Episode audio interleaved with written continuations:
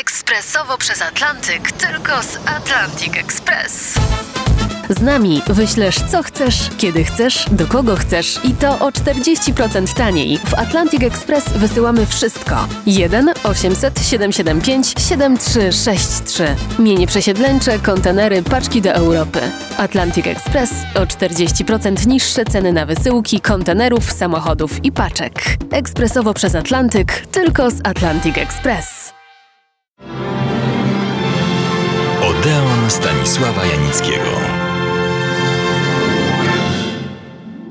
Dzisiejszy Odeon będzie na wesoło. Wszak historia filmu to nie tylko sprawy poważne, wielkie dzieła, jeszcze większe skandale. To też życie codzienne, wcale nie takie znowu nudne, ale specjalnie ubarwiają je anegdoty o sławnych filmowcach. Przede wszystkim aktorach, a także reżyserach. Rzadziej operatorach, scenografach, kostiumografach, montażystach itd., itd. Specjalną rolę pełnią dziennikarze. Wszak to oni opisują, rozpowszechniają owe zabawne, choć czasami zdumiewające, a czasami bolesne fakty z życia sław dziesiątej muzy. Niestety dzisiaj niektóre pyszne anegdoty wymagają pewnych wyjaśnień. Już pierwsza, którą zaraz przytoczę, ale jeszcze tylko dodam, że on, jeden z najznakomitszych scenarzystów, który był ważnym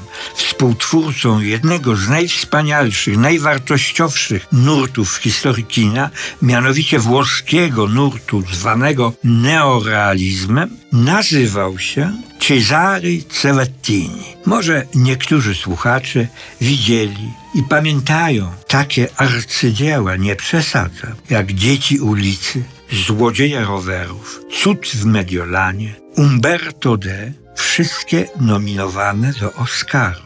I jego późniejsze filmy to klasyka światowego kina, chociażby Rzym, Miasto Otwarte, czy Rzym, godzina 11.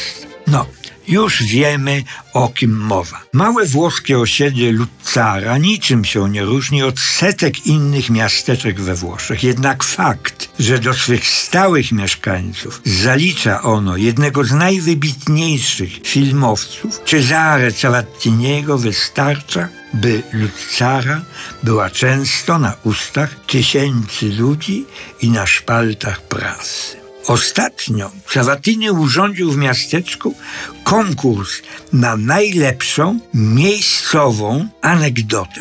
W tym celu zaprosił swoich przyjaciół, wybitnych pisarzy, filmowców, aktorów, by zasiedli w jury konkursu. Zaś do mieszkańców zaapelował o zgłaszanie anegdot. Zgłoszono ich przeszło 800.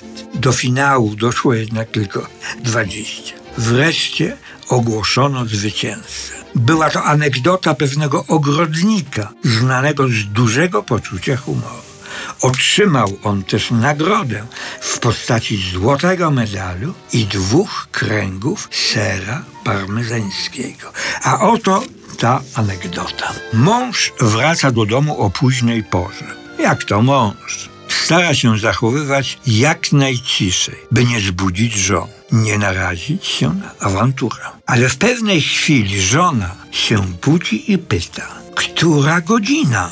Mąż odpowiada, jeszcze wcześnie, kochanie, dopiero dziesiąta. Druga wersja tego dowcipu brzmi tak. Wracający nad ranem mąż mówi, że jest godzina pierwsza w nocy, a w tym momencie zegar bije pięć razy. No dobrze, mruczy mąż, już raz wybijesz pierwszą nie potrzeba powtarzać tego pięć razy. Zakończenie konkursu na najlepszą anegdotę odbyło się w miejscowym teatrze, gdzie wieczorem po ogłoszeniu wyników znany aktor Alberto Sordi odczytał wyróżniający się żart. Jak podaje prasa włoska, Cavattini zamierza zorganizować podobną imprezę w skali ogólnokrajowej, z tym, że finały odbywałyby się w jego ukochanej Luzzarze. Przyznam, że dalszych żartów Cavattiniego nie znalazłem. Natomiast znalazłem krótki wywiad z Humphreyem Bogartem, znakomitym aktorem amerykańskim.